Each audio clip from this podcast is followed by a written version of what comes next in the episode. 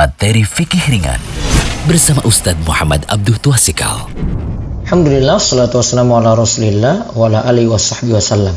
Apa hukum utang untuk bisa berkurban? Jadi berutang untuk bisa berkurban.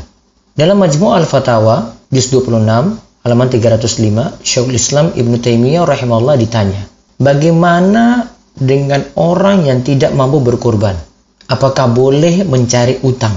Beliau menjawab, Alhamdulillahi Rabbil Alamin. In kana lahu wafa'un fastadana mayudahi bihi hasanun. Wala yajibu alaihi ayaf'ala dhalika wallahu a'lam. Ibn Taimiyah katakan, Alhamdulillahi Rabbil Alamin. Jika orang tersebut punya kemampuan untuk melunasi, maka ia bisa mencari utang untuk bisa berkurban.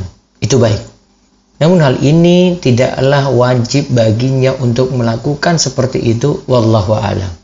Berarti masih dibolehkan berkurban dalam keadaan berutang. Misal ia yakin utangnya bisa dibayar lunas dari gaji yang akan keluar di akhir bulan. Namun ingat, berkurban dengan berutang tidaklah harus.